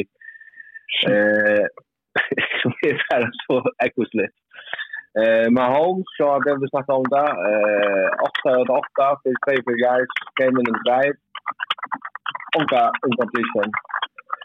Andy Reid, han är Hall of Famer. Så han är... Eh, han är femte vänner i NFL som, som gör det till och tyckte jag Super Bowl. Eh Det jag snackade om Moti, han är han är då alla skickar som två kick alltså två field goal i så association. Oscar sätter faktiskt Floyd Super Bowl rekorder. Han är faktiskt en perfekta då, eller perfekta det. Han får fyra fyra field goals. Eh plus lockta field goals nästa då kan jag säga han har vår eh nucho karriär field goals och Super Bowl som är eh, tre mera än Adam Vinatieri och Steven Koskowski. Så det är han Steve Spagnola. Han är den enda koordinator från Mono 4. Det är det mesta. Han vann tror jag Chiefs och så vann han som uh, kom något uh, som Peshay som uh, defensive coordinator för Giants. Och så är det Kyle Shanahan han har han har varit nog till sitta på gång och han har tagit alla sitter. Han är uh, offensive coordinator för Falcons för har uh, ja simpelthen tappt och vid det största eh för den går i Super Bowl nu. Och och i bauen det någon om mot Chiefs så var det touch spel framför det som är tannas mesta eh alltså blown lead och Super Bowl sövne. Eh Og det er bare två Super Bowl dyster som er färger i vår og i vår. Och tjänar har vært faktisk i bavon og tatt på det. Uh, så det er hans uh, overtime Super Bowl var det tjänar var Jeff Falka som var första koordinator och tappade till Patriots. Så det är det rekordet som man förhandlar allt. Alltså utan att uh, diskutera det för Nick, men det hade jag spelat när några för när vi känner en men men är är detta ett ett kritikpunkt också att för för känner han här han inte alltså han är noll tro i Super Bowls nu och ja att han har inte det eller vad vad kallar det Han tog oss en timeout mitt i distan ja mitt i dysten och i overtime. Här han lyckas som skulle snacka vi vi Wills om alltså och det att Katte Wills han han är rent nu. Att det är tre eller fyra professor Cardinal där här var i sju år, jag tror jag var. Alltså han är tydlig att trust issues. Jag vet inte, jag vet inte om det är kritik för men, men jag var ju i, tar tryggt i Disney som han har tagit till att ha det största och nästa största föringarna i Super Bowl-sövn kan man säga. Och så täcker du, så, så först att täcka eh så täcker du uh, spels. Han lagde i regular type i Super Bowl textan jag alltså kan fick första var 16 jag som har höjde och vi möter en quarterback som vill att det är att leverera. Alltså en av de bästa nästan jag var att Moira Mattare och defense coordinator. Det hade man ju lite glömma. Så ska jag vi ska Scown som man är. Men jag hoppas det går jag. Man kan det se om sig. Han är faktiskt den första spelaren i var på till att häva push rushing yards och push receiving yards. Det är alltså minimum 5 yards i korga kategori. Ha! Huh så går vi han. Det är så det är Eh Joe Jennings han har ju ett touchdown pass och ett uh, touchdown remote touches. Det är han nästa spelare men han första receiver och så var så att han har där ju ett passing och retrieving touchdown och gör samma distans Og han blev nästan nästa receiver og søvn til at kasta den touchdown i Super Bowl. Yes, det för Randall Lowe. Yes. Yes. Og så var han han fatte ikke quarterback så pass søvn til at kasta den touchdown pass. Eh og Jack Moody Jack Moody han er rookie men han är ja, imponerande. Alltså han uh, han tar ju ett extra poäng men han är 55 yards och eh ja. Och en tredje yards. Han tar första som är ju Moira en säg alltså säg field goal i Russell yards. Eh och så är det det.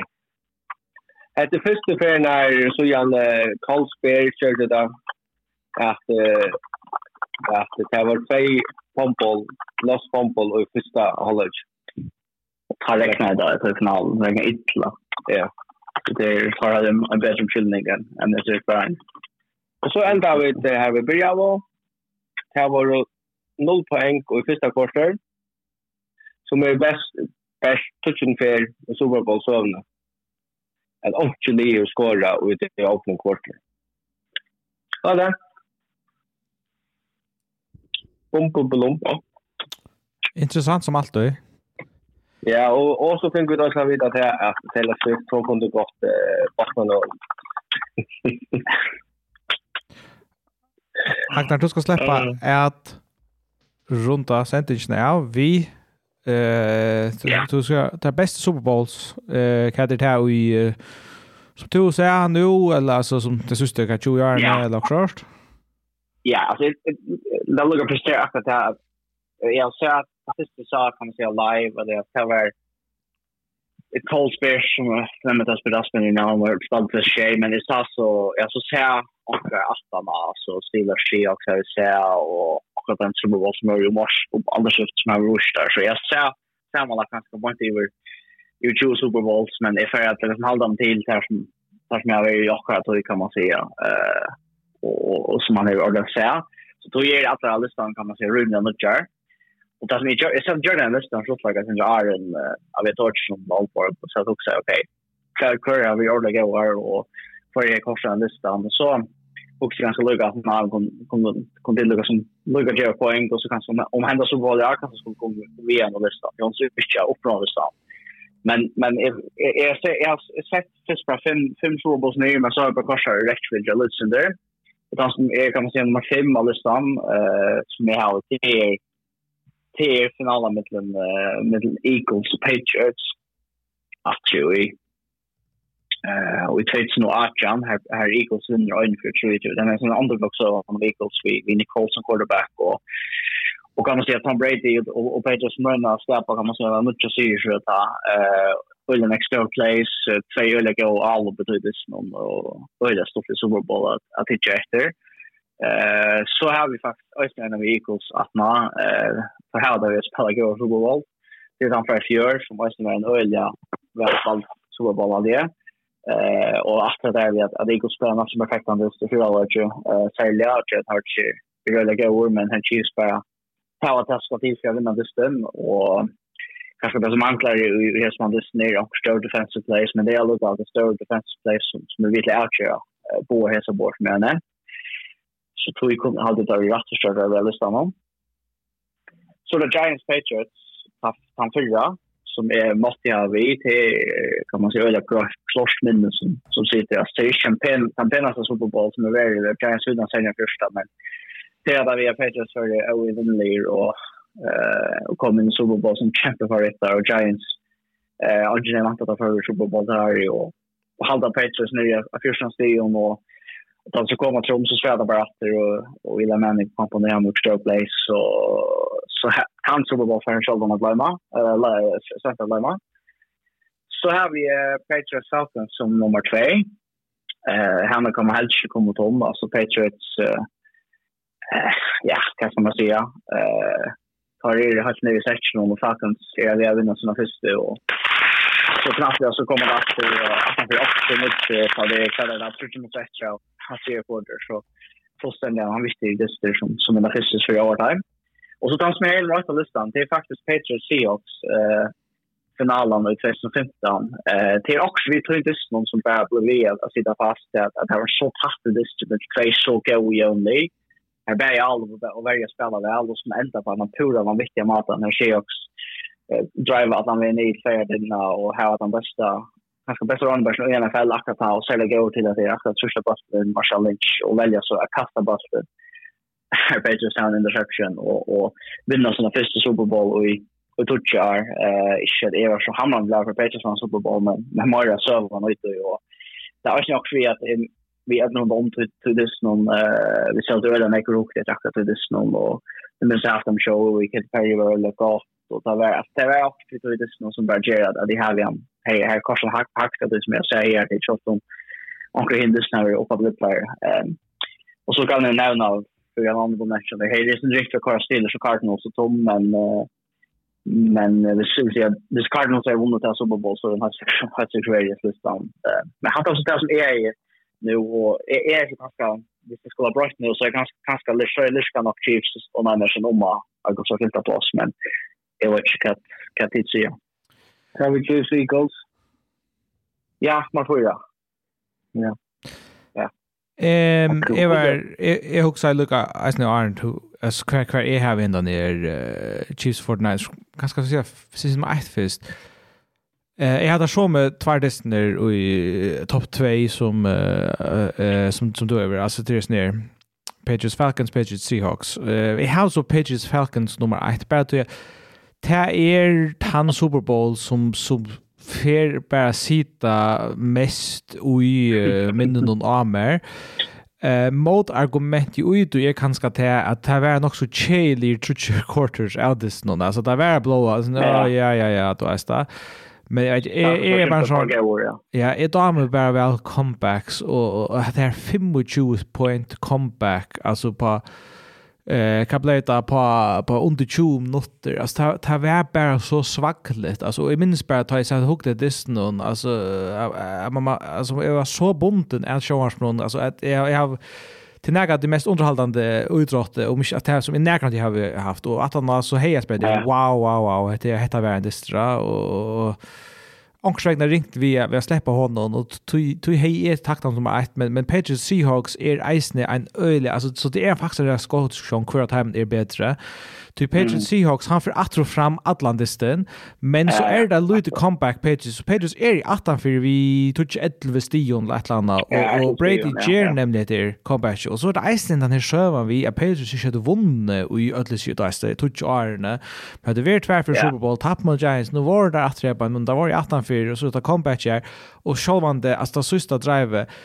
Tär sväkaste playet vid när alltså tar jag säga att så vid när kan du komma alltså tjugo jag kan lova alltså det är man häver bulten åt jag linjen då man kastar en reception här och bara där från från Brady och Ödlen ta alltså det är så garvilt och overligt egentligen att i löten det hejs inte ringt vi processar där faktiskt alltså kvärt kvärt händi här på inte och det var ganska först sagt att det egentligen gick upp för mig hur så vilt hade egentligen vara Så, så det är tvärdister som, som sitter där uppe och man kan överleva argumentera en fram om hin men, men är väl det faktiskt för så länge som jag sagt, jag bara min minne att jag vill sätta den här Chiefs for Niners att nu tre plus någon tror jag att ja, okej. ja.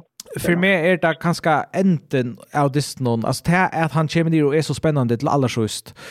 Det är ganska inte svaglig enten, men, men det är väckta nek för mig är alltid, hvor så spännande hvor så dramatisk är enten då och och sort Eagles Patriots var en ölen underhållande Super Bowl han var lite sent vi hade där om sort av sack fumble och där var Haller sent ut i sort och est eh ta och Giants Patriots test nu Shay halt i isen en öliga goal man kan ta sig att det är underdog sövan.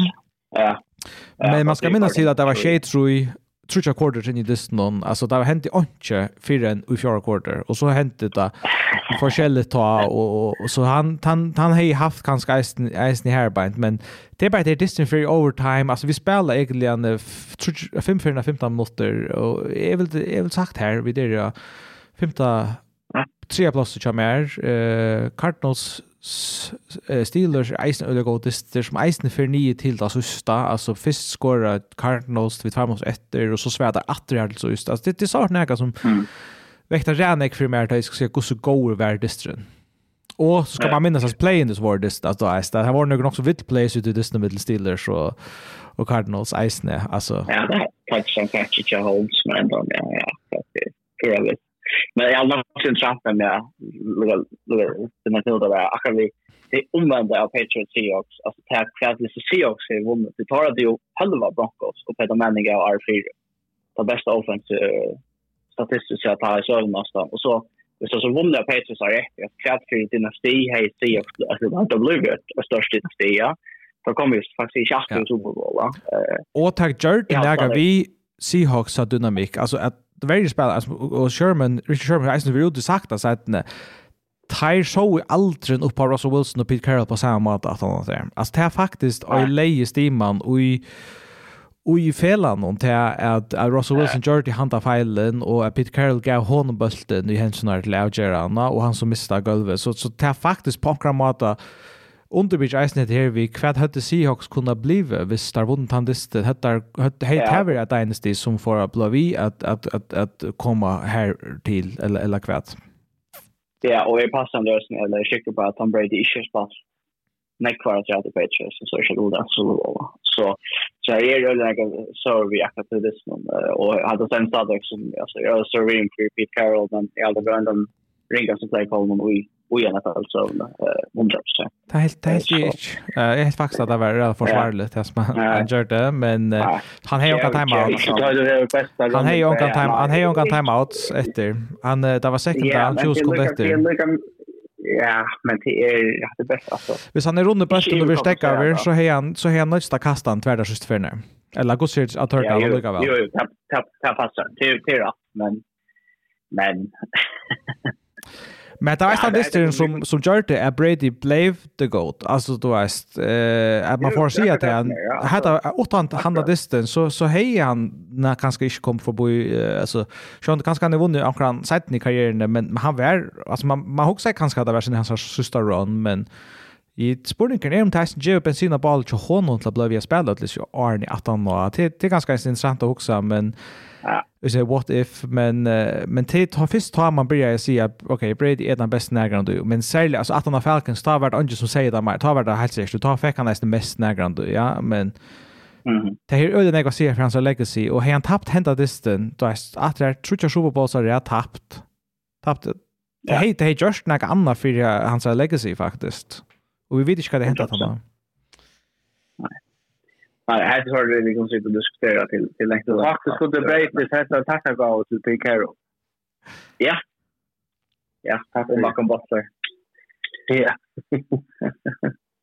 Borde ha sett mer tog outlet det. Det kunde bli ett gott segment det. Vi kunde haft en här podcast bara om gamla Super Bowls.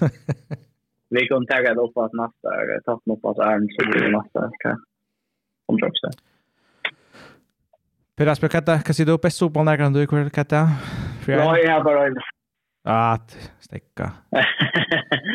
ja, och det. Hur fick du så? Hur så visste du Ja, så det är jag har ju sagt det alltså för mer ju personligt så så är det alltså Alltså när så ser Cecilia sa inte jag jag blev ju verkligen så ivrig när jag bara först där först så var så av Giants Patriots så snart visst nu tjej utav så att det som Jordi att det blev eh ordentlig Giants fan och NFL fjäppare men kan inte orla tillskrämma till att det var en, en stor löda för mig som som Giants fan annan till att det var skräck där bli hitcha men men den nästa färden där tar varje kämpe fan och ta vunnit ta och tar komme åter från att der tar var ju a wild alltså vi wild der så wild men der var nummer 4 sitt och kom upp här men det var som Oscar så så glömmer man omgång till att ta lite servinders.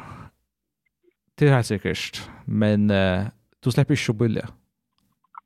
Nej, jag åkte alltså jag var just alltså jag åkte näck var en eller som gasen i Valdemar Ali jag halta vi. Eh och ta blev så sens jag kan gå ut på sin tutcho. Eller ja, nutcho, tutcho. Eh så han och hon för att jag stannade. Jag var då ska det vara i åkte och då minns jag väl.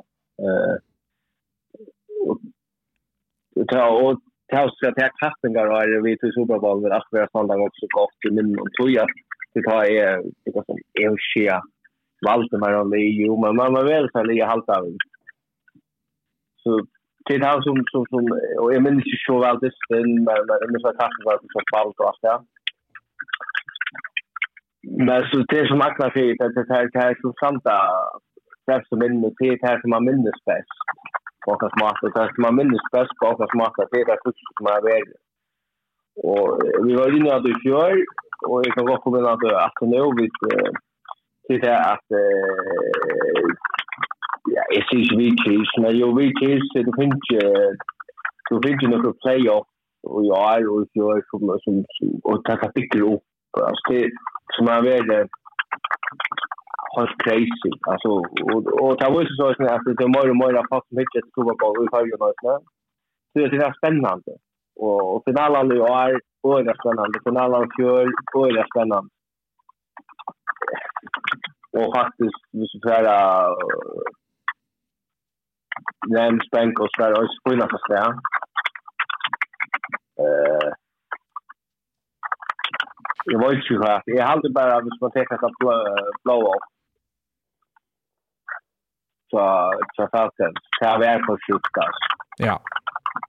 Alltså jag är eh ja ja, det var ju så att du stod du helt så att du kan uppleva att han är kan jag. Är dock som kommer när kan uppleva så där. Men det var ju.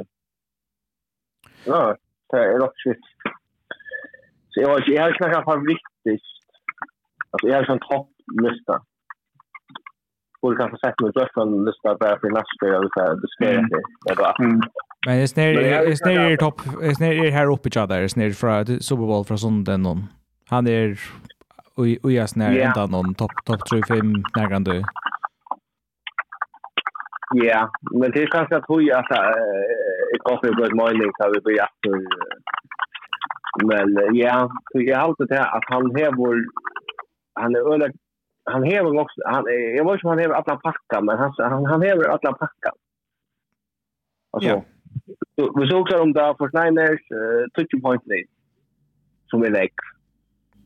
Breakout defense to pump fly uh, to häver allt det där och så häver du bara en, en fantastisk quarterback som vi ser ja och Kelsey LeBron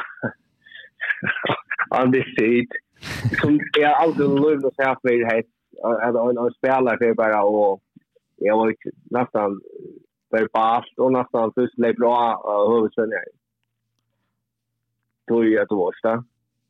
Och så kör man in och spelar han är vår jag vet inte han är jag vet inte han får fjärd så han kör fjärd så han får och kör impact. Alltså han är ju också sex så stort det ting så jag vet inte Eh, och så så och, och, så är det fällt jag det som är ju att här att Chiefs som går fullständigt ständer på fältet. Jag passar att jag lyckas nästa som alltså Vi sa att du inte är fyra och då inte finns att 16 jag driver till touchdown. Så hej på snälla sig som stora bollen är. Och ta över vi tog stilen den morgonen. Jag är inte säker på att jag inte kommer att säga att det känns. Det tog alltså, ja.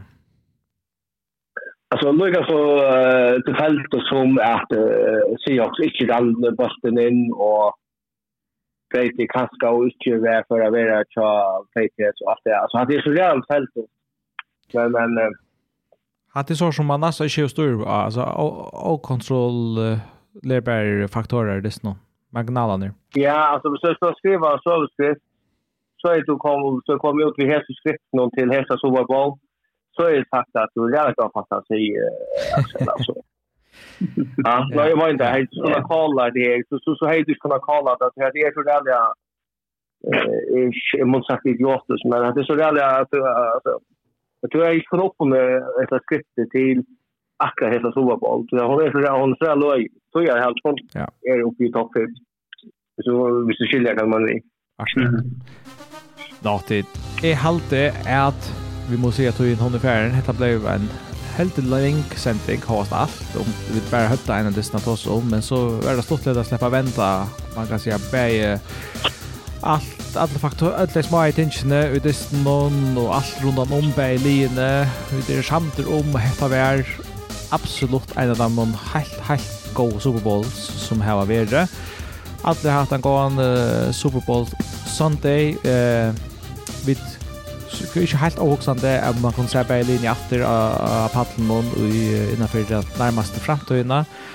Hetta blir det för NFL-sändningarna i Sverige og som sløs eisen til for i år. Så takk for det til dere som har lortet vi at det er sendingene i år og i jøkken det siste tror jeg årene. Takk til dere for at jeg uh, lottaka og godt prat. Jeg har ikke mer å si enn til Takk for det, Tesfer.